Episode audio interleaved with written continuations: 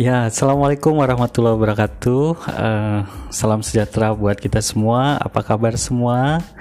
Uh, hari ini kita ketemu kembali dengan mata kuliah hukum internasional.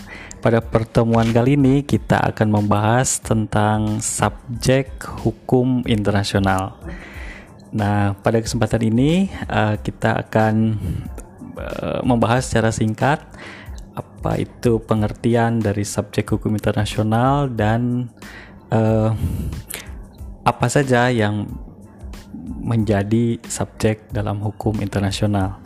Nah, yang pertama, kita akan bicarakan tentang uh, pengertian dari subjek hukum internasional.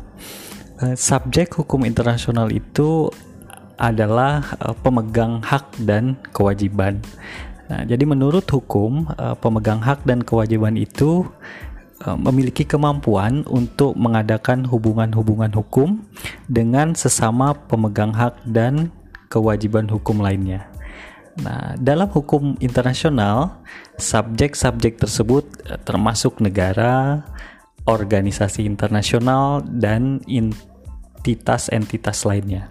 Nah, organisasi internasional itu diperhitungkan sebagai salah satu dari subjek hukum internasional eh, sekitar abad ke-19 dan awal abad ke-20.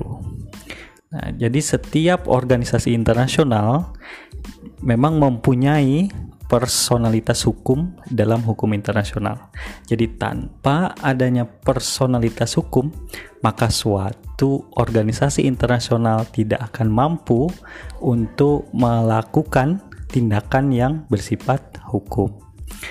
Nah, oleh karena itu, subjek hukum dalam jurisprudensi secara umum dianggap mempunyai hak dan kewajiban yang menurut ketentuan hukum dapat dilaksanakan. Jadi dengan demikian, subjek hukum yang ada di bawah sistem hukum internasional itu mempunyai personalitas hukum yang mampu untuk melaksanakan hak dan kewajiban tersebut.